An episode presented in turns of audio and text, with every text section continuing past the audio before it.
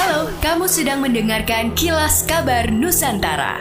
Podcast persembahan KG Radio Network menyajikan berita harian yang mengangkat keunikan dari berbagai wilayah Indonesia. Kilas Kabar Nusantara dapat juga didukung oleh pengiklan loh.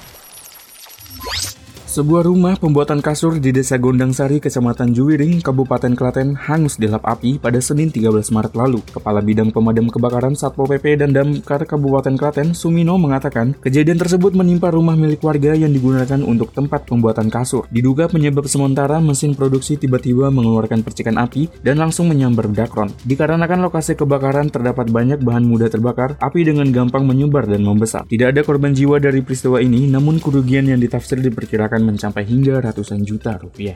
Berdasarkan data Dinkes Kota Surabaya, temuan kasus Human Immunodeficiency Virus atau HIV yang tercatat sampai dengan tahun 2022 ada 136 orang anak yang terdiri dari warga berKTP Surabaya, 55 kasus dan KTP non-Surabaya sebanyak 81 kasus dengan rentang usia anak sekitar 1 hingga 14 tahun. Kepala Dinas Kesehatan Kota Surabaya Nanik Sukristina menjelaskan bahwa virus HIV tidak hanya menyerang pada orang dewasa saja karena pada anak-anak juga telah ditemukan kasus HIV karena transmisi vertikal, yaitu penularan melalui ibu yang telah terinfeksi virus HIV yang penularannya bisa terjadi selama kehamilan, persalinan, dan ketika menyusui. Sementara itu, Kadinkes menambahkan untuk awal tahun hingga Februari 2023 kemarin belum ada temuan dan pelaporan kasus baru HIV anak di Surabaya.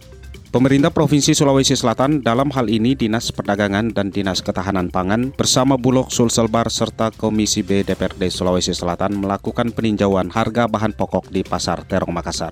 Hasilnya ditemukan bahan pokok yang harganya cenderung naik seperti cabai, beras, dan telur ayam. Kepala Dinas Perdagangan Sulawesi Selatan Andi Arwin Asis mengatakan pengendalian harga maupun pasokan tergantung dari kerja kolaborasi seluruh stakeholder. Menurutnya melalui pemantauan pihaknya dapat mengetahui kondisi terkini harga bahan pokok di pasaran. Dengan demikian antisipasi dapat dilakukan sedini mungkin, utamanya menjelang hari besar keagamaan nasional HBKN yakni Ramadan dan Idul Fitri. Senada disampaikan Ketua Komisi B DPRD Sulawesi Selatan Firmina Talu Lembang.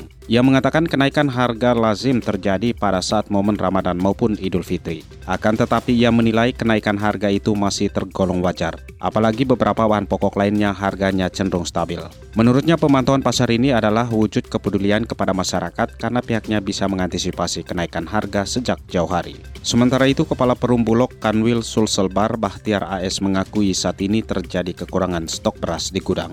Hal itu tidak lebih dikarenakan padi baru saja panen. Ia berharap padi tersebut segera bisa jadi beras sehingga dapat terserap maksimal. Kendati demikian, pihaknya menjamin stok yang ada masih cukup untuk memenuhi kebutuhan selama Ramadan dan Idul Fitri mendatang. Demikianlah kilas kabar Nusantara malam ini.